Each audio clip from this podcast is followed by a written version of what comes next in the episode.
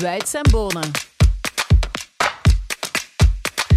Beste wielerliefhebbers, het is een eh, fenomeen van de voorbije jaren. En ook afgelopen week was het niet anders. Slovenië boven in de koers, Tadej Pogacar wint de Tirreno Adriatico. En dan die andere Sloveen, eh, Primoz Roglic, die wint uh, Parijs-Nice. Daar hebben we het in deze nieuwe Wuits en Bonen uitgebreid over. Maar ja, voor één keer moeten we het programma misschien omdopen in Wuits en Museum. dag Michel. Hallo. Dag Johan Museum, welkom. Goedemorgen. En straks bellen we uiteraard ook nog eens met uh, Tom Bonen. Die zit ergens in Barcelona. Waarom? Dat uh, zullen we hem straks wel even vragen. Heren, we hebben het zo meteen uitgebreid over Roglic en uh, Pogacar, maar natuurlijk ook over Van Aert, Evenepoel en de andere Belgen die ons zijn opgevallen afgelopen week. En we kijken uiteraard ook al vooruit op Milaan-San Remo. Het eerste monument van het jaar. Toch altijd een beetje kriebels. Maar Michel en Johan, eerst drie vragen en drie korte antwoorden. Ik begin uh, bij jou. Michel, hoeveel meer had je verwacht van Remco Evenepoel in de Terreno Adriatico? Eén ehm, goede rit meer. Johan? Zeker top 5 in het klassement. Nou, dat is niet gebeurd. We hebben het er straks over. Met de sprintersbenen die we van hem gezien hebben in Parijs-Nice kan Wout van Aert Milan-San Remo niet winnen. Als het erop aankomt en er komt een golfpakket van 30 man met een pak sprinters tussen, dan is dit niet voldoende. Johan? Het zal geen grote groep zijn dit jaar in Milan Sanremo. En daar zal Wout van Aert zeker tussen zitten en die kleine groepsprint wel winnen. Oké, interessant. Kan Mathieu van der Poel op 3 april de Ronde van Vlaanderen winnen, Michel? Uh, gezien zijn basistalent en de uitschieters die hij zich nu al aanmeet op training, ja, Johan? Zal net iets te kort komen, hm. maar 14 dagen later in Parijs-Roubaix wel meedoen voor de overwinning.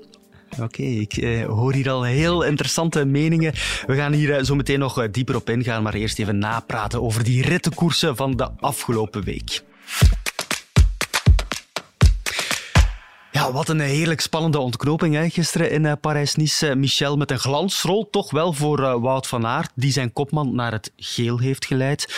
Zonder Van Aert wint Primoz Roglic Parijs-Nice niet. Mogen we dat zo stellig zeggen? Ehm, ik denk het wel. De kans is uh, zeer groot dat hij dan helemaal ten onder gaat. Um, hij was aan het zwalpen. Um, was ook maar een halve meer. En als je dan alleen komt te zitten, dan uh, wordt het heel snel van een goede 15 seconden, drie kwart minuut. En dan zou je hangen hebben. Dan is het van een groot belang dat je een goede compagnon hebt. Niet alleen fysiek, maar ook mentaal. Mm -hmm. Samen winnen, dat is het motto hè, van Jumbo-Visma. Kijk, gisteren was het echt wel letterlijk, hè, samen winnen. Ja, gisteren was het, was het nodig dat Wout van Aert er zat en dat Wout van Aert de benen had gespaard een paar dagen ervoor om mm. de laatste dag top te zijn. Het was precies een plan dat ze op voorhand hadden uitgeschreven. Ja. Maar toen Roglic en Jelleke vroeg aan de wagen, is dan meestal zo een vaag teken als ex-renner, dan weet je van, oei, voelt, voelt hij iets? En dan is het meestal al te laat. Dus je neemt die gel ervoor, niet op dat moment. En dan weet je wel, misschien komt er nu een momentje dat hij ja, het moeilijk zal hebben. En dat gebeurt dan net daarna ook. Code, opstapeling van alles. Uh, het zou niet mogen gebeuren, maar toch, ja, het gebeurt soms toch nog wel eens. Zoals in Yorkshire met Mathieu van der Poel en Mats Pedersen. Pats ligt uit. Ik vraag me ook af of de tactische aanpak van Jumbo-Visma of die wel uh, klopte. Of die wel oké was om die uh, laatste etappe een één grote brok venijn om die meteen in handen te nemen en de pees erop te leggen en zorgen voor een uitdunning van nog slechts 88 man, maar ook de uitdunning van de eigen gelederen. Okay. En dan uh, komt Van Aert in een positie te zitten waarin het toch nog moet moet echt, hè? Het moet echt. Als hij niet doorbijt, ook aan het slot in de beginfase, die zeer stijl is van de Col d'Aise, waar hij op een goede 20 meter komt te hangen. Als hij dat niet uh, overleeft op uh, mentale weerbaarheid, dan uh, wint er ook Rich Parijs niet, niet. Maar dat wil toch zeggen dat het geloof en het vertrouwen in de kracht van Wout van Aert gigantisch groot is, hè? Ja, maar dat betekent ook dat hij er allemaal aan kan. Ja. En dat hij zoveel body heeft en vooral mentale weerbaarheid die hij opgestapeld heeft in jaren achter Van der Poel aanholen in de cross, dat hij die nu op de weg ontzettend goed kan gebruiken. Mhm. Ik vraag me wel af of hij uh, dat wel goed vond dat hij in die slotetappe nog zo uit zijn pijp moest komen richting Milan Sanremo. Dat zullen we volgende week zien natuurlijk. Eventjes inpikken, Michel. Uh, het was een hele koude dag en dan staan renners wel klaar om onmiddellijk tempo te maken om het warm te hebben. En, en ja, iedereen heeft daar zijn plaats. En dan wordt inderdaad het team uitgedund. Maar dan is het ook al een natuurlijke eliminatie door de kou en, en minder risico en zo. En de laatste dag, het is typisch vanaf te stappen. Hè. Maar uh, ik vraag me af, moest het inderdaad wel Wout van Aert? Ik heb altijd schrik. Ik ben een renner van een andere generatie. Krachten sparen voor die klassiekers is nooit verkeerd. En dat heb ik met de andere fenomeen ook, die in uh, ja, maar daar hebben we het straks over, over dat ander, ander fenomeen. Maar als je kijkt naar de voorbije week, hij heeft die krachten toch wel gespaard. Het lijkt mij dat hij veel slimmer heeft gekoerst dan het voorbije jaar. Hij heeft dat uh, tot uh, twee keer toegedaan. Hè? Ja. In de meeste etappes, de vlakke etappes, de golvende etappes, heeft hij telkens meegedaan voor winst. Wat dan een paar keer tegengevallen is. Hij heeft een uitmuntende tijd neergezet, maar dan de twee volgende etappes, daar heeft hij het laten lopen. Hè? Mhm. Maar ik dacht dat het de bedoeling was om uh, tot op een zeker punt mee te gaan. Misschien aan de voet van de Col en dan te zeggen van meneer Roglic, doe maar. Maar dat ging niet meer. Hè? En dan is het mij opgevallen dat hij de vraag ontweek: wat is het nu? Wat gaat nu het meest blijven klitten? Die Tirreno van vorig jaar of Parijs-Nice? Oké, interessant. Daar gaf hij geen um, prompt antwoord op. Nee. Dus ga ik ervan uit van, dat hij daar toch nog eens even moet over nadenken. Van, maar hij pakt wel de groene trui. Primoz Roglic pakt het uh, geel. En Roglic die besefte maar al te goed dat hij de overwinning van Parijs-Nice aan Wout van Aert te danken heeft. Laten we eens even luisteren. The team was super strong again today, and uh, yeah, uh, Wout half human, half motor. was uh, yeah, Wout can do everything. Really pleased uh, and happy with him, and uh, yeah, it's crazy. So uh, beautiful, uh, beautiful week behind us. Wout is een half mens, half motor. Dat is een goede samenvatting toch wel, hè? Zeker als je de etappe van gisteren in, uh, ja, in overschouwing neemt. Het lijkt wel alsof hij eh, programmeerbaar is. Heb je zijn reeks al eens bekeken die hij neerzet op die twee etappes na die hij laat lopen? En die andere etappes komt hij niet uit de top drie. Hè? Nee. En dat was uh, vorig jaar al aan de gang, waar hij haast in de helft van de 49 koersdagen de top drie haalde. Mm Dus een uh, grotere garantie op uh, eer en metaal hebben wij niet. Hè? Nee. Hij heeft weer een klein beetje progressie gemaakt. En het andere fenomeen ook, waar we straks op gaan komen, maar ze, maken elk jaar een klein beetje progressie. En dat is door. Ze leren ook uit het jaar ervoor. Ze trainen ook enorm hard. En daardoor wordt die motor dan nog net iets groter. Dat is niet veel, maar een klein beetje. Koerst veel, veel slimmer. Het team is ook sterker geworden. Dus ja, um, de hele brigade is er volledig klaar voor. Ja, ze hebben een doel weer bereikt. Parijs-Nice winnen met Roglic, dat was het doel. Ze hebben het bereikt. Ze hebben ook de groene trui. Ze hebben nog een aantal andere ja, overwinningen. Twee keer in die ene week. 1, 2 en 3 bij de tijdrit, bij die openingsetappe. Het lijkt alsof Jumbo-Visma de overwinningen op bestelling krijgt? Of is dat alleen maar schijn, Michel? Um, nou, die eerste dag waar ze een triootje neerzetten om u tegen te zeggen, zou ik zeggen van hoera, pak alles maar in. Maar zo makkelijk is dat uiteindelijk ook niet verlopen. Hè? Ja. Um, de slotetappe stond diametraal op die naar de Turini.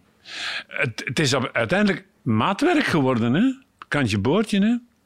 Dus ze moeten er niet van uitgaan uh, bij de uh, volgende uh, afspraken van we gaan de boel hier eens netjes inpakken met een strikje er rond. Zo werkt het natuurlijk niet. Het gaat natuurlijk wel over eendagswedstrijden, dat is een andere aanpak. Ja, want ik, had to, ik heb toch een beetje de indruk dat er iets in het peloton leeft van Jumbo-Visma, die zijn ons allemaal aan het versmachten. Ja, maar je hebt aan de andere kant ook nog eens de Emiraten. Hè? Ja, ook nog. Plus dat ze ook ja, het volledige, ja, alles in handen gaan moeten nemen. Hè. Dat gaat starten met uh, Milan Sanremo, Ronde van Vlaanderen, Parijs-Roubaix.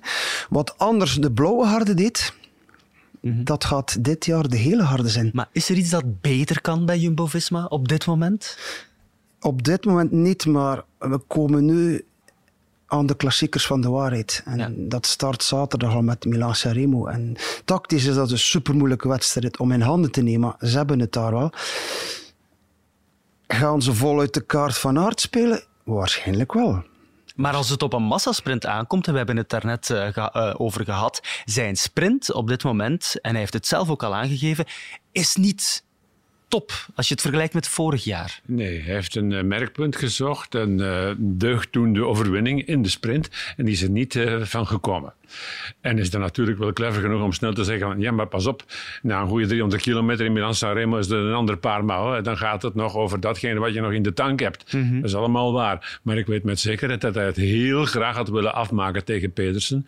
En dat hij uh, tot drie keer toe, twee keer Petersen en één keer Jacobsen, zijn kopje liet hangen van, hoe is dat niet mogelijk? Ja, je hebt hem uh, nee zien schudden ook. Hè? Dat is ja. ambetant, hè? Uh -huh.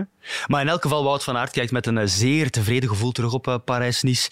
En hij blikt nu ook al even vooruit op wat nog komt. Die valpartij had ik even niet gehad, maar voor de rest was het een zware week. hard, hard gekoerst en ja, ik denk dat ik hier in een heel goede conditie sta. En ja, ik ben klaar en ik heb zin voor wat er volgt klaar en zin voor wat volgt. Uh, ontspannen. Hè? Hoe moet jij nu de komende weken aan, aanvatten, uh, Johan? Een brok zelfvertrouwen die daar staat, uh, op de fiets, na de fiets, op interview. Ook de planning. Hè. Blijft nu enkele dagen in Italië daar en met de familie. alles is gepland, is uitgedokterd, is becijferd. En ja, hij weet perfect waar hij ook staat. En hij heeft maar één doel voor ogen dit jaar terug één, twee monumenten winnen. En liefst twee. Liefst twee. En liefst uh, denk ik toch, na, voor zijn gevoel, dat het Ronde van Vlaanderen zal zijn. Ja. Ronde van Vlaanderen, Parijs-Roubaix, daar werkt hij naartoe. En iemand die ook weet hoe je perfect moet uh, voorbereiden op een eendagskoers is uh, Tom Bonen. Dag Tom. Hey, hallo. Ja, jij, bent, jij bent hier niet, dat zien we. Waar ben je nu? In Barcelona. Wat, wat ben je daar aan het doen?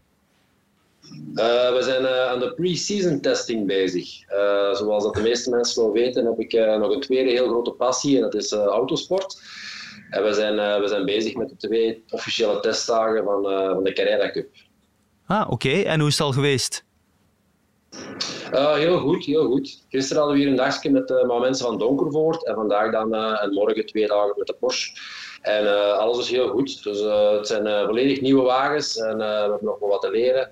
En uh, we waren eigenlijk naar hier gekomen omdat je toch wel meer garantie hebt op mooi weer, maar dat valt een beetje tegen. Het is hier uh, koud en heel nat. Maar dus, je bent... het weer is wel omdraaien. Dus, uh, je bent een Flandriaan, Tom. Je bent een Flandriaan, je, kan dat, je kan dat verdragen. Hè? Ja. Je hebt ook naar de koers gekeken, veronderstel ik. Wat vond je van uh, Parijs-Nice? Laten we het daar even kort over hebben. Wout van Aert, wat, wat vond je ervan? Wout was, zoals verwacht, indrukwekkend. Hè. Dat hem eh, voor de eerste keer in eh, zijn carrière als prof berekend aan het werk is. Hij heeft misschien links of rechts een paar zaakjes uh, moeten doen die hij niet ingepland had. Maar um, zoals Johan daar straks ook al zei, ik ben ook een beetje meer van de oude stempel. En uh, van mening dat alle krachten die dat je verschiet in aanloop naar, de, naar de klassiekers toe, als de conditie goed is, die dat je dat, toch beter bijhoudt. En ik vind dat hem dat dit jaar veel beter, veel volwassener, uh, veel matuurder heeft aangepakt. Ze hebben hun doel behaald. Dat is natuurlijk het belangrijkste.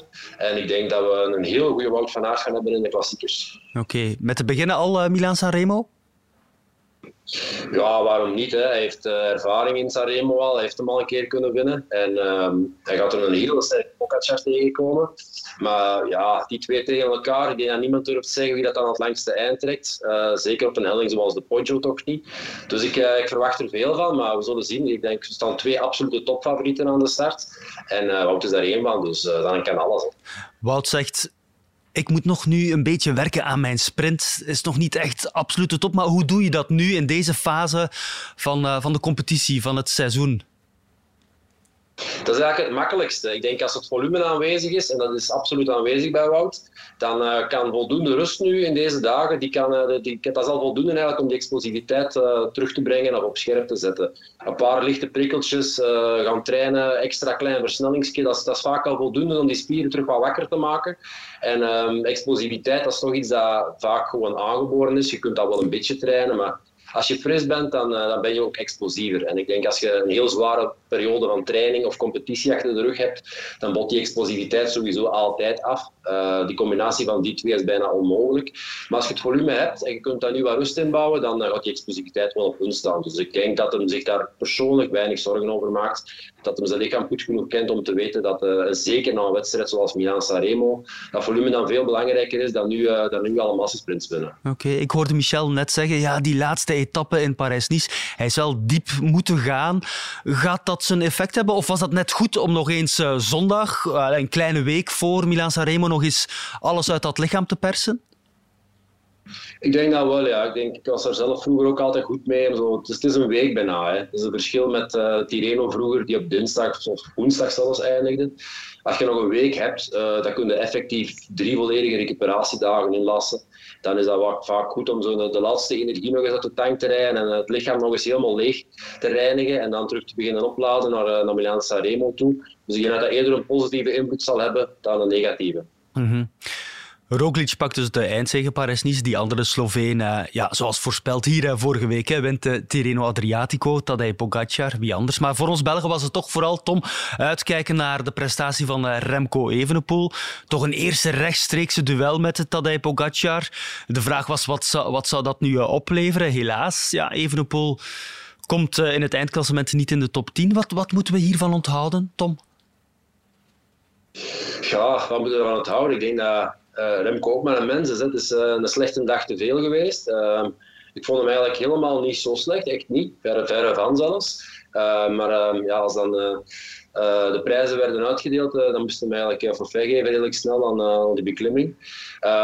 ja, een slechte dag te veel. Ik denk dat je bij Remco altijd met twee woorden moet spreken, nog steeds. Hij heeft al heel veel bewezen dat hem, dat toch dingen kan die voor andere renners moeilijk zijn moeten we hem daarom een, potentiële grote toerwinnaar winnen of een rechtstreekse concurrent van Pogacar? Ja, dat is misschien wat, wat vroeg en wat hoog gegrepen momenteel.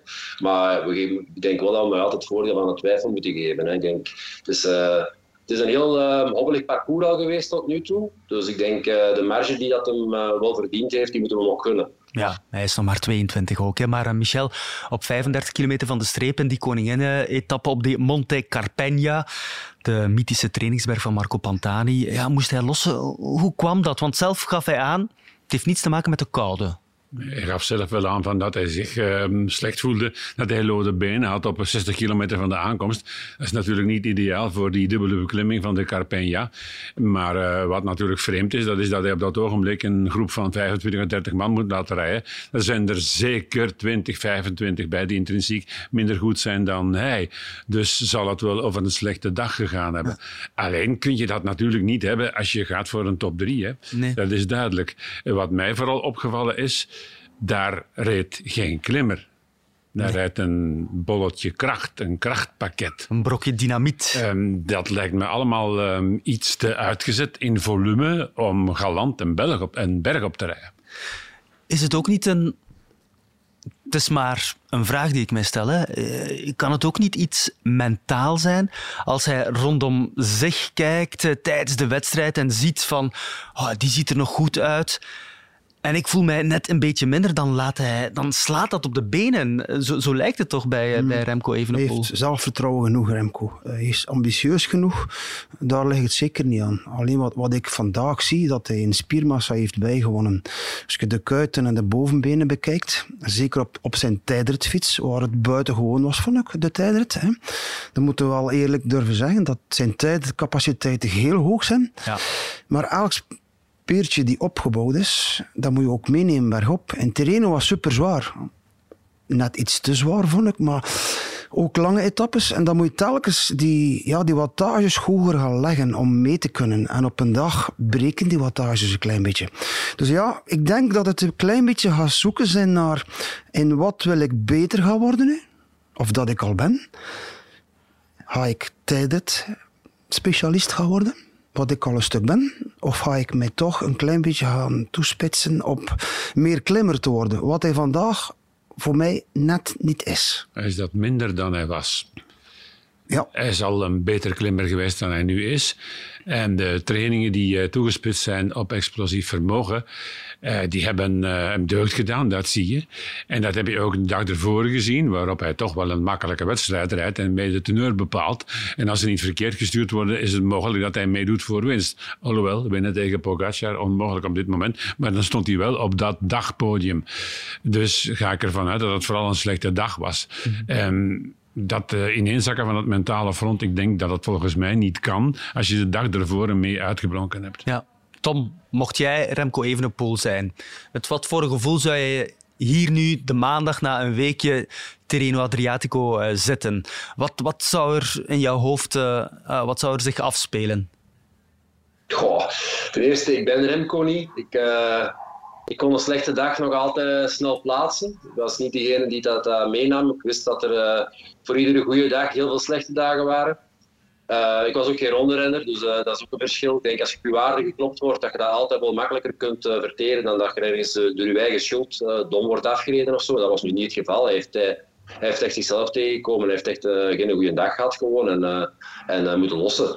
Dat gebeurt gewoon. Hè. Dus blijven mensen. Hè. Dus een, nacht slecht slapen, die goed, goed kunnen eten, misschien ergens links of rechts een beetje diarree, alles. Allee, alles kan om een slechte dag te hebben. En, ehm, hij zal zelf vooral voor zichzelf moeten uitmaken. Hij zal beter weten als wij um, of dat er een aanleiding is geweest of niet.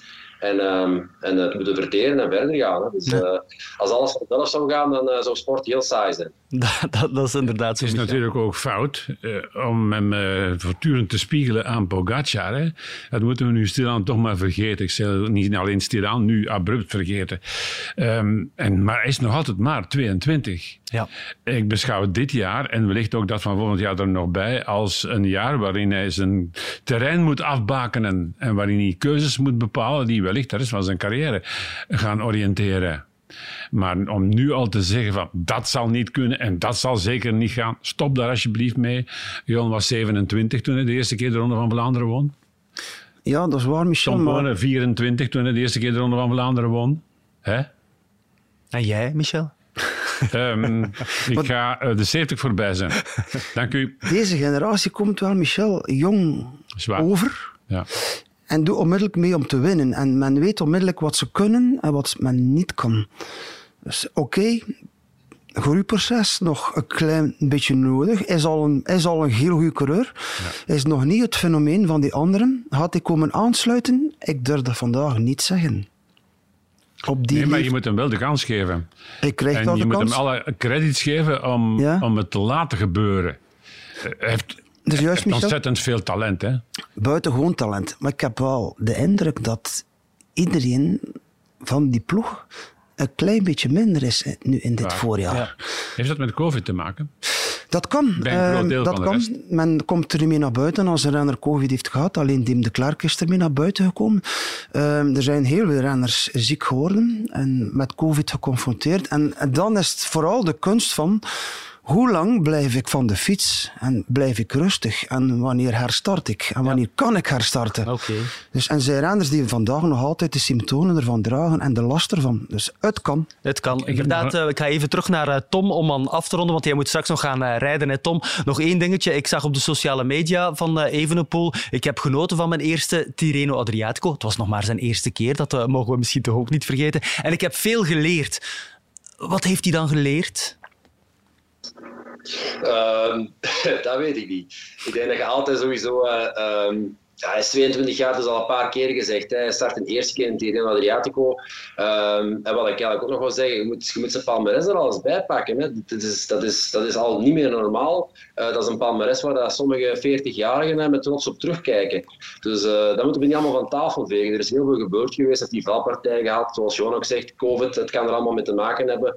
Maar ehm, geeft hij gewoon nog de marge die dat hem verdient. Laat hij rustig verder timmeren naar zijn weg. En we zullen wel zien. Er zijn al, er zijn al dingen gebeurd in de koers dan, eh, dan iemand van 22 die in één keer er is wordt afgereden een bergrit. Dus ik denk niet dat we daar te veel zorgen moeten over maken. En, eh, soms is het goed om eens met je hoofd tegen de muur te lopen. Hij heeft al een paar keer meegemaakt en hij gaat het nog vaak meemaken ook. En hij gaat er iedere keer beter van worden. Oké.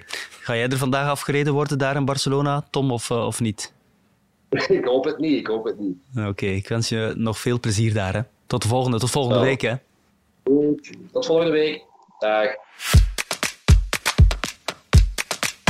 Remco Evenepoel zelf heeft eh, achteraf ook gereageerd natuurlijk. Hè, na zijn off-day op eh, zaterdag. Laten we eens even kijken wat, eh, wat Remco te vertellen had.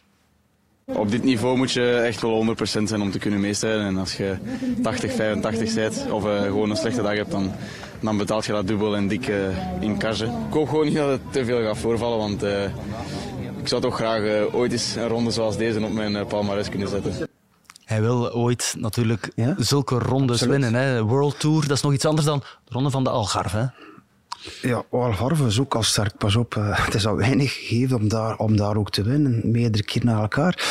Ja, hij, hij, is daarmee gestart om met de rondes te winnen. Hè. En de ambities waren vrij hoog. De verwachtingen waren vrij hoog. Misschien dus hij is als een komeet naar boven gekomen. Nog veel hoger dan Bonen in de tijd.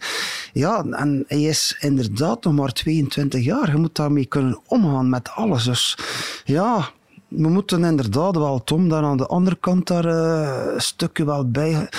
Dat we ergens hem de krediet moeten geven van misschien nog één, twee jaar te groeien. En dan definitief te zeggen, het wordt geen ronde coureur of hij is ronde renner. Uiteraard. Maar het is natuurlijk wel de ambitie, en dat heeft Quickstep ook zelf uitgesproken, is met Evenepoel willen we een grote ronde winnen. Er wordt ook een, rond, een ploeg rond hem vroeg. gebouwd. Want ik vraag mij af of Quickstep op dit ogenblik wel de nou wel aan boord heeft om van een renner een ronde winnaar te maken. En daarbovenop om rond die renner ook nog eens een ronde ploeg te bouwen. Dat vergt tijd, hè? Dat is me dunkt een vijfjarenplan. Oké. Ja, Johan, ja, zeg maar. Ik ging zeggen, ja, hij wordt ook betaald als een grote ronde renner. Hè? Want toen het contract ten einde was, heeft Patrick alles moeten doen om hem toch te kunnen houden of hij was weg. En inderdaad, hij verdient dat ook wel, maar dat weet je ook als renner. Oké, ik word hier fors betaald. Ja, ik moet dat wel realiseren. Ja, ik vind dat het nogmaals dat het te vroeg is om eh, te oordelen. De druk rond die knaap is gigantisch. Vergeet ook niet dat er sponsors zijn die vroegtijdig zeggen: maar wij komen naar u, meneer Lefevre. Waarom is dat? Omdat zij hun product willen verkopen via de mens Evenepoel. Omdat hij een geweldig verwachtingspatroon toont. En samen met Soudal komen daar straks nog een aantal kleine sponsors bij. Dat is allemaal in functie van, ja, wij gaan schitteren in de grootste ronde. Dat vergroot de druk toch wel Uit- enorm. Uiteraard, uiteraard. Het gaat ook om geld, hè. Om datgene wat je terugkrijgt van je investering. Oké. Johan, ik heb een quizvraag voor jou. Tadej Pogacar die pakt zijn tweede eindzege in de Tirreno, maar daarmee zit hij wel nog lang niet aan het eh, aantal eindzeges van de recordhouder. Het record is zes keer Tirreno Adriatico. Wie is de recordhouder? Eh, Roger de Vlaming? Roger de Vlaming, inderdaad. Eh, Je bent De Roger. Goed. De Roger de Vlaming. Dus uh, Pogacar heeft nog wel wat werk. maar dat is goed, want die jongen wil uitdagingen. Maar wat, wat kunnen we nog zeggen over die jonge Sloveen? Het is toch ongelooflijk sterk wat hij wat die presteert. Keer op keer, week op week. Mijn eerste vraag is, moet dat, dat record van de Vlaming verbeteren? Nee, niet Voor mij hoeft dat niet. Hij kan maar beter zijn eh, grenzen eens verleggen en af en toe ook eens een keer eh, voor Parijs-Nice kiezen. Hè? Dat gaat hij ook doen, hè? want hij is daar zelf niet meer bezig. Hè? Het is een jongen die zich niet overlaat met extra stress. Van dat getal, dat wil ik halen en dat aantal ronden wil ik winnen. Het is iemand die, ehm, die speels is, maar die daarnaast ook nog eens verdomd hard kan afzien. En ehm, wat ehm, een alarmsignaal is naar de rest van het peloton toe, als hij de leiding grijpt in een klassement, hij staat hij niet meer af. Hè? Dat is verder nog niet gebeurd. Hè? En zijn er, ik moet de vraag stellen, zijn er andere alarmsignalen als het gaat over Tadej Pogacar? Als je kijkt naar zijn prestaties, vaak wordt er gezegd, dit is bijna bovenmenselijk. Is het bovenmenselijk of is het Ehm, ik vind van- natuurlijk? Ik vind van niet, eh, omdat hij in zijn glansprestaties ook eh, tekenen geeft van zwakte is een verkeerd woord, maar toch van afzien. Zelfs op de Carpegna heb ik hem zien doorbijten. En met zekerheid in de Strade Bianche. Ja. Daar heeft hij het vanaf 25 kilometer van het einde tot eh, Siena ehm, echt verduiveld moeilijk gehad. Hè? Ja. Wat men daar ook mogen over zeggen. Ehm, maar mijn indruk is ook dat hij daarmee eh, overweg kan en dat hij bijzonder goed kan indelen. Ken u zelf. Ja, maar de Carpegna is zeer interessant. Ik heb wat eh, gegevens opgezocht. Hij reed in 19 minuten en 29 seconden naar boven tegen een gemiddeld vermogen van 6,5 watt per kilogram lichaamsgewicht. Dus bijna 20 minuten dus. Maar daar zou Marco Pantani mee gelachen hebben. Hè? Want die zijn record is eigenlijk vier minuten sneller. En we weten dat de Pantani niet echt eh, vies was van wat eh, producten in zijn lijf. Dus wat Pogacar betreft, dat voelt eigenlijk best wel goed aan. Want eigenlijk zijn de renners er niet op vooruit gegaan in vergelijking met de mannen in de jaren negentig. Ik denk dat uh, zij die uh, hun twijfels geuit hebben in de code geel bij Jumbo-Visma over de prestatie op um, de Planche de Belleville in zijn eerste Tour die hij wint, dat die daar nu al spijt van hebben. Hè? Want alles wat daarop gevolgd is, er is één groot festijn geworden van uh, zeer pakkende prestaties en vooral glansrijke overwinningen. En ze hadden beter moeten weten, want als het jaar daarvoor, een paar maanden voor die Tour, nou een half jaar, de Vuelta zouden bekeken hebben, dan zouden ze de 20-jarige Pogacar aan het werk gezien hebben en in alle koninklijke etappes iedereen zien opkuisen hebben. Ja, en laten we eens even luisteren nu naar wat Tadej Pogacar achteraf te zeggen had na zijn overwinning van de Tirreno. I'm, I'm super happy. Um, any race that uh, we can win, we're happy. And uh, yeah, same uh, Tirreno. Now the second time, I'm, I'm super more than happy. I'm super more than happy. Maar zo happy ziet hij er toch ja, niet. Die blijft altijd zeer op de vlakte. Een, een jongetje bijna die daar zit, hè, met het klepje naar boven. Zo, uh, ja, speels, uh, geen stress. Uh, we zien wel, ik heb hier nu iets buitengewoon gedaan en ik ga dat de komende dagen wel terug doen. Hij rijdt de Strade Bianchi zoals er nog nooit iemand gedaan had. Ja. Want Strade Bianchi is, is echt een harde wedstrijd. Kun je misschien al gaan vergelijken van hardheid naar Ronde van Vlaanderen toe, hè, met hoogtemeters en zo. En enkele dagen later is hij terug gerecupereerd om Treno naar zijn hand te zetten. En ja. ik wil eventjes inpikken op daarnet van oké, okay, moeten we daar dan geen vragen bij gaan stellen? Hè, ben je zo iemand weer? Ik heb het er altijd wel moeilijk mee dat dan de insinuaties zich voordoen. En ik kom uit die generatie die daar fout aan heeft. Dus, maar er is zoveel research nu naar atleten om die beter te maken. En ik zie de ploegen die die inspanning doen, het financieel ook kunnen, Jumbo en UAE. Mm -hmm. En die renners worden ook beter. Ja. Die renners worden ook beter door alles. Uh, is er een duistere zone? Ik hoop van niet. Maar... maar ik ben nooit zeker. Maar ik hoop van niet. Okay. Het zou me verbazen dat uh, research in de farmaceutische wereld dat die terugvalt. Dat denk ik dat ook zou me niet. verbazen. Nee. Um, maar topsport maar, is ook maar, het opzoeken maar van... Anderzijds loont het nog altijd de moeite om uh, geloof te hechten aan de prestaties van een uitzonderlijk fenomeen. Ja, zo is dat. En wie weet zal dat uh, fenomeen volgende week in Milaan-San Remo ook schitteren. Daar hebben we het uh, straks over. Maar eerst toch nog enkele opvallende zaken van de voorbije week. Zaken die we eigenlijk niet meer als normaal mogen beschouwen in de huidige tijden. bijvoorbeeld in de Tirreno die etappe waren Evenepoel en Pogacar, ze zijn vooruit en ze rijden verkeerd. Geen seingevers. Uh, hoe is dat in godsnaam mogelijk? Geen pijlen. Uh, waarom kan dit nog in een World Tour wedstrijd, uh, Johan?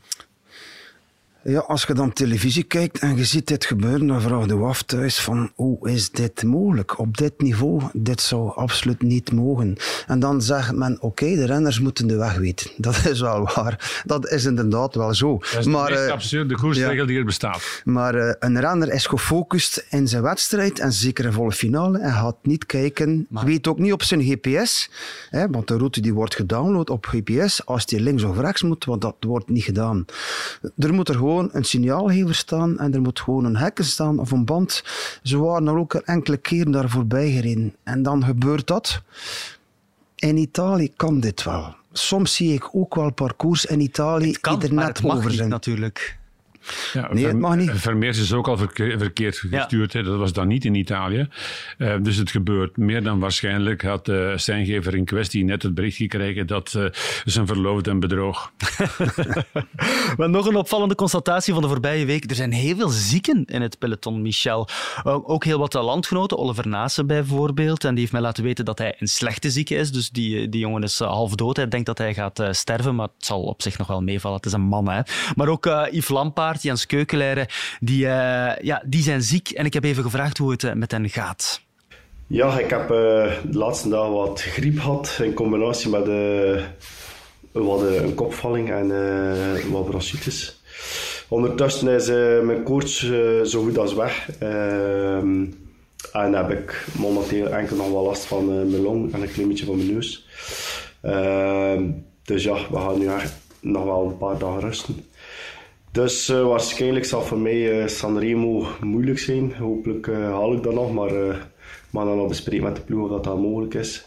en anders gaan we trainen voor uh, E3 Harebeke en gent Hallo iedereen, ik ben Jens Keukeleider van EF Education Easy Post. En ook ik ben deze week ziek geworden in Paris-Nice. Een beetje ja, standaard verkoudheidssymptoom, maar ook, wat, ook een beetje koorts had voor twee dagen. Um, voorlopig stond Milan Sanremo bij mij op het programma, um, gevolgd door quasi alle klassiekers tot met Roubaix. Um, Sanremo die is nu al van de lijst gehaald en voor de volgende klassiekers gaan we een beetje afwachten en zien hoe dat, uh, ja, hoe dat in mijn geval de ziekte evolueert. maar ook voor de ploeg is het niet gemakkelijk. Uh, ik denk dat, we, dat er veel ploegen in uh, in dezelfde situatie zitten. We zijn met, met heel veel renners die, die momenteel ziek zijn. Um, dus dat zal een beetje afwachten worden hoe dat, uh, hoe dat het programma er zal uitzien. Ja, en uh, Yves Lampaard, daarvan weten we dat hij al zeker niet aan uh, Sanremo zal uh, deelnemen. Dat heeft al Patrick Lefevre ook, ook gezegd. Dat is toch wel zonde, hè? Zoveel zieken. Veel zieken, veel, enorm veel zieken. Maar dat in een normaal voorjaar ook. En de laatste twee jaar waren niet normaal. En ik denk dat het een beetje een evolutie is van de twee jaar die we gehad hebben. we staken ons weg, mondmasker aan, geen hand geven, nergens komen en immuun worden. En vandaag komt men iets losser, geen mondmasker meer. Men heeft al eens een handje, men heeft wel eens een kusje. En dan is er snel iets doorgegeven. En dat is momenteel het probleem. En dat hoorde aan de renners ook van, we gaan naar huis of we gaan eens naar familie. En dan komt er eens een verkoudheid naar boven. En vooral ook COVID die nog altijd ook in de ploegen zit. Hè. Dat zeker en vast ook nog. En voor een groot stuk verzwegen wordt in de communicatie. Daar ben ik ja. rotsvast van overtuigd. En uh, zoals Johan, Johan hier zegt, die minstens ze zijn verzwakt omdat we twee jaar in ons schot gezeten hebben. Ja, zo is dat. En nu komen we weer volop naar buiten. Het heeft overigens lang geduurd vooraleer uh, COVID of uh, noem het een andere infectie um, zijn gang gegaan heeft in het peloton. Ja. Maar uh, iemand die wel heeft gecommuniceerd dat hij COVID heeft uh, gehad, is uh, Tim de Klerk. Een, een man die Quickstep Alpha Vinyl toch wel mist. Hè? Maar het is niets anders. En Tim heeft een, die heeft een ontsteking in het hartzakje daardoor gekregen. Maar het gaat nu wel al een stuk beter. Dat heeft Tim mij ook verteld. Hallo allemaal, ik ben even uit geweest dit voorjaar. maar nu intussen gaat het allemaal heel wat beter van mij. Ik heb nergens geen last meer van. Behalve dan ja, dat, uh, dat we nog achteruit bollen en precies is alsof dat uh, de wiel vierkant zijn. Maar uh, we zijn terug aan het werken aan de weg terug in Spanje. Vandaag een, een lange training op het, op programma, dus hopelijk verbeteren we daar snel van. En zijn we binnen een paar weken of maanden terug van de partij in het peloton. Voilà. Hij heeft gisteren meer dan 200 kilometer getraind in Spanje. 31 kilometer per uur, bijna 6,5 uur op de fiets. 2700 hoogtemeters, dat voelt toch al goed aan voor Tim de Klerk. En het is misschien wel nodig hè, voor uh, Quickstep dat hij snel terug is, Michel. Ja, met absolute zekerheid. Maar ik wil wel zeggen, binnen een paar weken, maanden. Ja. Dus ga ik ervan uit dat we voor hem op het voorjaar niet meer moeten rekenen. Ik denk de Tour... Parijs-Roubaix nog haalt. Mm -hmm. Maar dat gaat kantje boordje zijn. Ja. Ja, het is een pilaar dat ze gaan missen. En vooral ook is iemand die altijd uh, op kop rijdt en trekt dan de anderen mee naar voren. En ik heb zo'n beetje het gevoel dat ze vandaag uh, wachten, een klein beetje wachten. En dat zijn ze niet gewoon daarom te wachten. Meestal openen ze de koers. En nu zijn het andere ploegen die de koers openen. Dus ja, ik, ze gaan het klein beetje weer moeten gaan veranderen. Het, het geweer die op de schouder ligt, de komende koersen zelf, zelf, zelf de koers maken. Maar ze zijn dat gewoon altijd al geweest en dat gaan ze moeten terugdoen. Ja. De instelling is altijd geweest. Eh, de rest zal zich oriënteren op ons. En nu moet het andersom. Ja. Noodgedwongen. Ja. En nu we toch bezig zijn over uh, renners met uh, tegenslag, ook even checken hoe het met uh, Tige Benoot gaat. Een dikke week na zijn val op de knie in de Strade Bianchi. Dit heeft uh, Benoot doorgestuurd. Dag Steen. Ehm, hoe gaat het met mij? Vrij goed eigenlijk. Weekje na mijn val in, in Strade Bianchi. Ik vandaag ongeveer 170 kilometer getraind in de Vlaamse Ardennen. een stukje van het parcours van Dwarse Vlaanderen gedaan. Dus ehm, ik denk dat ik zeker niet mag klagen gevoel is nog niet top of wat dat voor mij de val was, maar dat, dat mag ik ook niet meteen verwachten, denk ik. Ehm, maar ik hoop dat dat goed komt tegen Harelbeek. Dus ik hoop daar gewoon uh, op, mijn, uh, op mijn best niveau aan de, aan de start te staan. Harelbeke, E3. Ja, ik denk dan terug aan de vorige podcast, waar we hem ook aan het woord gelaten hebben. En uh, toen stelde ik hem een vraag in functie van presteren in Harelbeke en waarop hij inpikte of winnen. Ik heb het onthouden. En eigenlijk sluit dit erbij aan, hè, wat hij nu zegt. Het geloof is er wel in elk geval. En het is ook wel belangrijk, denk ik, voor ja, de absolute kopman, Wout van Aert, dat hij daar terug bij zal zijn? Um, het is zeer belangrijk omdat uh, Van Aert zich nu ook werkelijk als uh, de ideale koopman manifesteert. De moderne koopman die ook wat over heeft uh, voor zijn ploegmaats, die Laporte naar de overwinning loodst, die uh, Roglic uiteindelijk aan de eindoverwinning in Parijs-Nice helpt. Dat gaat hij wellicht in Milan-San al terugkrijgen. Dus ook naar Benoot toe kan hij nog een dienst leveren. En daar lijkt mij een heel lastige koers zoals de E3 zeer geschikt voor. 22 mhm. maart, en dat is eigenlijk goed nieuws. Hè. Goed nieuws voor de koers, maar ook voor de renner in kwestie. 22 maart maakte Mathieu van der Poel zijn comeback in een kleine Italiaanse rittenkoers, Coppi Bartali.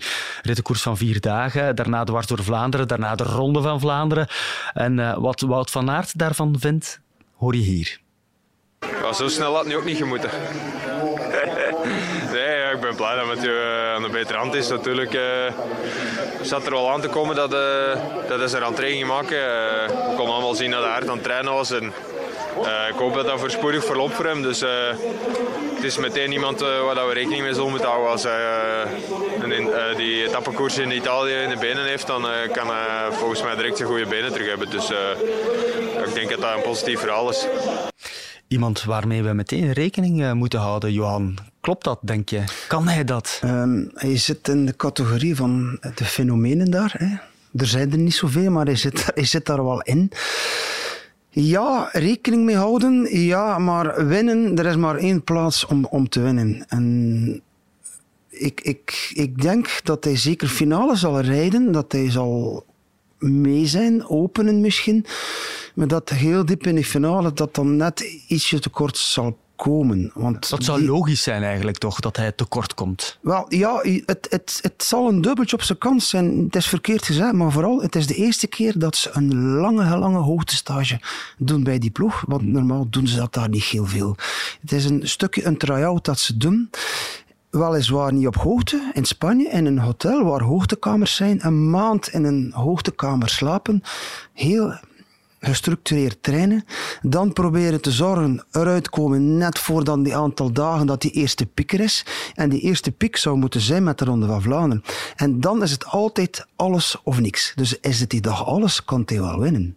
Oké. Eh, je weet er natuurlijk niet zo heel veel van, tenzij datgene wat je op eh, Strava kunt eh, volgen. En dat is meer dan bemoedigend. Hè?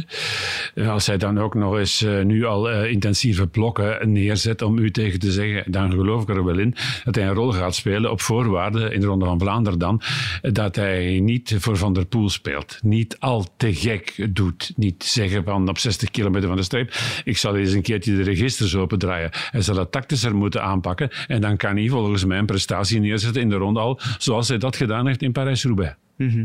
En dan doet hij wellicht mee voor winst. Laat staan het podium. Uh Maar eigenlijk weten we niet echt heel veel hè, over hoe het met hem de, gaat. De Stroothoofd heel graag in de schemering. Ja, hoe komt dat? De hart van het beestje. Het, ja, het, dat hebben ze bij Ineos ook een groot, stuk. Andere ploegen zijn iets opener. Maar uh, ze hebben daar ook voor gekozen, de broeders Roodhoofd, om niet te veel media-aandacht te zoeken. En als er iets is, om dat ook binnen kamers te houden. Wat ook Mathieu zelf ook een stukje doet. En wat ook vader uh, Adrie ook een stukje doet. Uh, dus. Maar het zou dus even goed kunnen zijn dat die problemen aan zijn rug niet 100% verdwenen zijn dat zal het, de koers en de finale uitwijzen. Want het kan goed zijn nu, op een lange training, met die blokkentraining nu, maar een wedstrijd zoals Vlaanderen en Roubaix is toch nog een ander niveau. En als het dan terug naar boven komt, is dat een negatief signaal. Maar dat weten we vandaag niet. Maar het is vooral leuk dat de renner er weer is. En vooral ook leuk voor de ploeg, want ze hebben daar ook geïnvesteerd, een nieuwe sponsor. En het draait er wel een stuk rond Mathieu. Alhoewel Philipsen en Merlier ook scoren op alle vlakken. Ja. Maar toch, de man is daar toch wel Mathieu van der Poel. Mathieu en van de rest mee naar boven tilt. Je merkt dat als hij er niet is, dat de anderen dan toch ook net dat echelon lager halen. Hè? Mhm. Komende zaterdag zal hij er eh, nog niet bij zijn, Milan Sanremo. Die koers komt nog te vroeg. Maar wie in het peloton zal er komende zaterdag zeker aan vaststaan in La Primavera, Michel? Ehm, van Aert, met de hulp van Roglic en Laporte, zonder enige twijfel. En graag nog een paar andere elementen daarbij, want eh, je mag er maar zeven opstellen. Die moeten alle zeven in optima forma eh, zijn en allemaal een taak, expliciete taak toegewezen krijgen. Ehm Ghana, in de rol nu van mogelijke afwerker. Dus die moet ondernemen. Ja, en Pogacar. Hè. En Pogacar. En Ewan. En als we en Ewan niet onderschatten, inderdaad, eh, vorig jaar eigenlijk ook al goed op, eh, op die Poggio. Maar eh, laten we eens even kijken naar de ploeg van Patrick Lefevre. Die zegt, Milan Sanremo is steeds minder een koers voor sprinters. Daarom twijfelt hij aan de deelname van Fabio Jacobsen. Wat zou jij doen, Johan? Hem toch laten starten of niet? Ik zou toch wel die ervaring geven aan de render die voor mij dit jaar terug. Ja, het is een gewone levensverhaal wat hij heeft geschreven nu en wat hij ook doet. En eh, groot respect daarvoor. Eh, vooral ook de sprints dat hij ondergaat. Weet wat er is gebeurd in een sprint. Ehm, is hij er al klaar voor? You never know.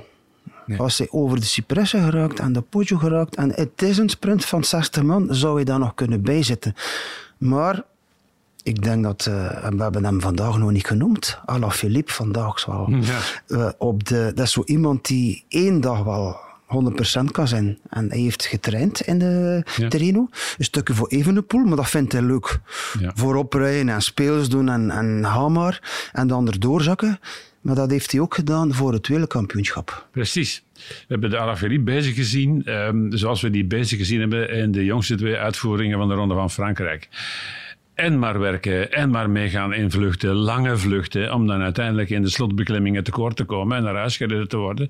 Zodanig dat je in de huidige context, waar men heel snel iemand afschrijft, zegt van het is ermee gedaan. En dan eh, rijdt hij in Leuven op het WK echt iedereen naar huis. Ja. Dus ik hou rekening met Alaphilippe. Julien Alaphilippe. Maar de voorbije twee edities was er telkens een Belg aan het feest in Sanremo. In 2020 was er de machtsprint van eh, Wout van Aert op de Via Roma.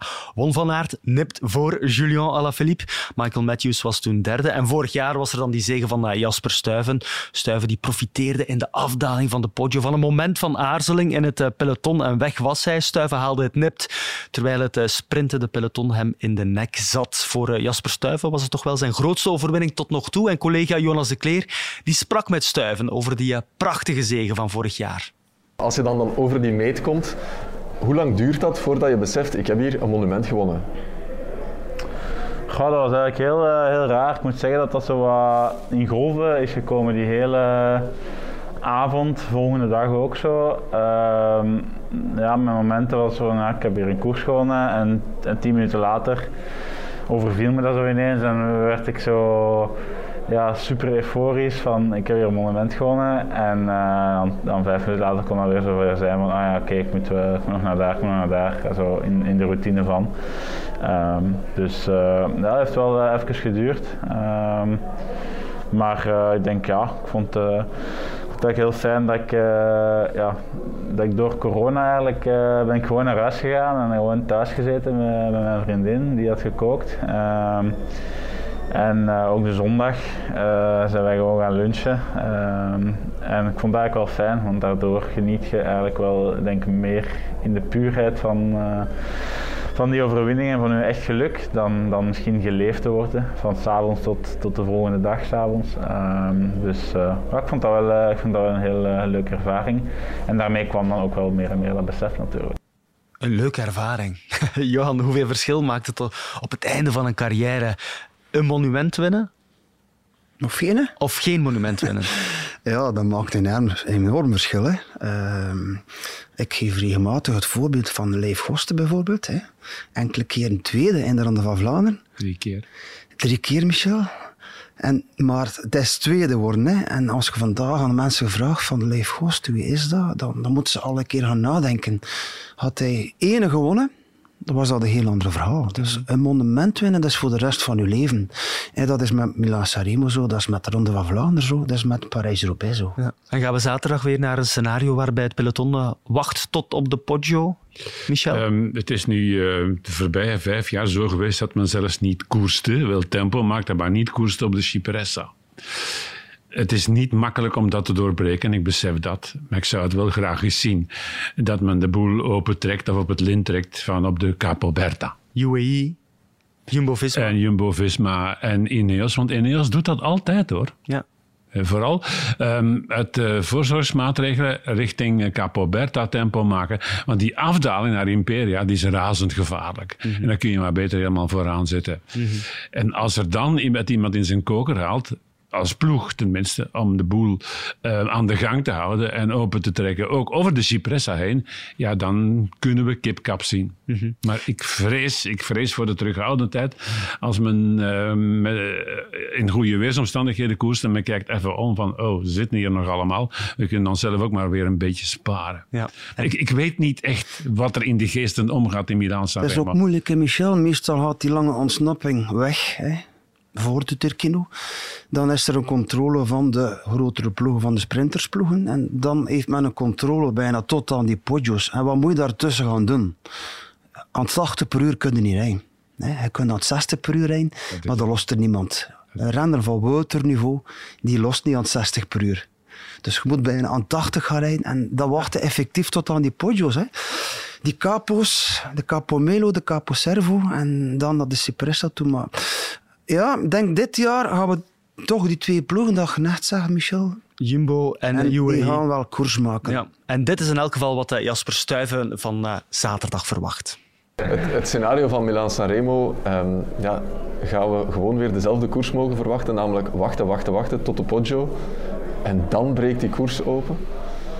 Tuurlijk. Denk, uh, vorig jaar werd er denk ik een beetje hoopgevend uitgekeken naar uh, Mathieu die wel zot gaat doen. Maar uh, bedoel, is, hij durft van ver gaan, maar ik denk in een koers als Sanremo gaat hij niet zo zot zijn om de Cipressa. Um, ik denk dat de enige, het, het, enige verschil dat eventueel kan gemaakt worden is dat, dat er nog harder gereden wordt op de Cipressa. Um, de vraag is dan natuurlijk, ja, kunnen die jongens die dan de koers zo hard maken op de Cipressa het ook nog eens doortrekken tot aan de voet van de Poggio? En wat doet je dan op de Poggio? Dan moet je echt wel, denk ik, aan de, aan de Cipressa kunnen komen en nog bijna een voltallige ploeg. Wat dan weer heel moeilijk is, want uh, een ploeg als Jumbo moet ook controleren. Je soupeert sowieso mannetjes op richting de, richting de capo's, of de capis. De aanloop naar Cipressa. Dus uh, dat is allemaal een heel mooi scenario. Maar ik denk dat uh, Milan het mooie is dat het een, een spanning is die opbouwt aan de, aan de Poggio. Aan de Poggio. Je merkt het, hè, grote koersen, Ronde van Vlaanderen en uh, al die koersen die wisselen wel eens van parcours. Is dat ook een mogelijkheid voor, voor Milan Sanremo of ligt dat vast gebetoneerd? Men heeft dat een paar keer noodgedwongen gedaan, omwille van de onbereidbaarheid van de Turkino. Er zijn ook wel eens wat aardverschuivingen geweest, waardoor men dwars door Piemonte moest. Uh, in de editie van Van Aert. En dat was gezien ook uh, 1 augustus, volle zomerperiode, wel een afpeigering. En dan zag je dat uh, peloton verbrokkelen. Ja. Maar in een gewone editie heb je de Turkino en dat gaat allemaal vrij vlot. En dan kom je langs de kust, dan heb je vaak met wat tegenwind af te rekenen. Maar ik had in het voorgesprek um, van Johan iets meegekregen en dat ga ik onthouden. Mijn vraag was aan hem, wanneer word je nu eigenlijk moe in Milan-Sanremo? Wanneer begint de afmatting? En, en zijn dat? antwoord was voor mij... Ja, dat, dat, het begint bij de eerste capo's. Hè. Want je wordt voor een groot stuk bij hoe weer worden meegetrokken door, door dat peloton. En ja, zelfs aan 50 per uur heb je daar weinig wattage. Dus je komt, want alles wordt nu uitgedrukt in wattage, dus je komt er bijna aan, na, na, ja, na 250 kilometer, komt er dan maar weinig wattages op de meter. En, en dan gebeurt het pas. Dus je voelt daar de eerste capo oké nog en de tweede capo voelde van, oh, ik ga blijven zitten en ik ga niet meer opschuiven telkens. Want wat is Milan Sanremo? Altijd maar positioneren. Links, rechts, ertussendoor. De kunst is natuurlijk tussen dat pelotonterrein. Dat kunnen alleen maar de betere stuurders, zoals Sagan. Maar die heeft nooit Milan Sanremo gewonnen. Hè? Nooit Milan Sanremo gewonnen. Dus de kunst is altijd van, ja, aan de voet van die capo's, vooral Cipressa en Poggio vooraan te zetten. Maar Oké. dit jaar gaan we vooral treinen zien die gaan chassen, tempo maken. En dan gaan we naar de meet gaan met een klein groepje. Volgens mij. We zullen het zien. We naderen het einde, heren, van deze Wuitsen Museum. Maar voor we echt stoppen, gaan we eerst nog wat eh, sterren uitdelen. Michel, wie wint Milaan Sanremo? Ik ga chauvinistisch zijn, ik zeg Van Aert. Johan. Het is lang geleden dat een wereldkampioen Milan Sanremo won. Oké. Michel, weet je wie dat was? Niet uit het hoofd. Jij wel? Nee, wat komt mij zomaar te binnen? En daarom zou ik het al leuk vinden mocht Zit al bij Alaphilippe winnen. Saroni was het, inderdaad. Ja. Dus Julian Alaphilippe. Oké, dat is duidelijk. Ik heb het opgeschreven. Johan, merci. Michel, eh jou zie ik eh, komende vrijdag al hè, in Italië, want je zal, ook, eh, je zal commentaar ook geven bij Milan Sanremo op VTM. Hoe lang is het al geleden dat je commentaar hebt gegeven bij de- dit monument? 2016, Demar. Oké. En jouw comment- co-commentator is Tom Bono. Ik zou zeggen, tot dan, tot in Italië. Fijn. Dit was Wuits en Bonen. Tot volgende week.